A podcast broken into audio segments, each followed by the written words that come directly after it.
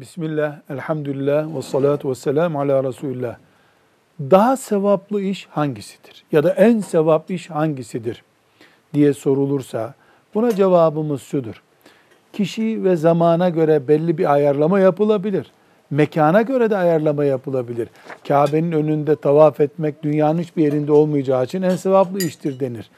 Ama farzlardan daha sevaplı bir iş olmaz. Farzdan sonra vacipten daha sevaplı bir iş olmaz. Ondan sonra nafilelerden sevap olur.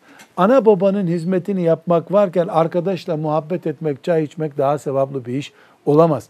Ramazan-ı Şerif'te oruç tutmak, Ramazan-ı Şerif'te teravih kılmak o zamanın daraltılmış bir ibadeti olduğu için başka hiçbir zamandaki ibadet onunla ölçülemeyecek kadar sevaplı olur.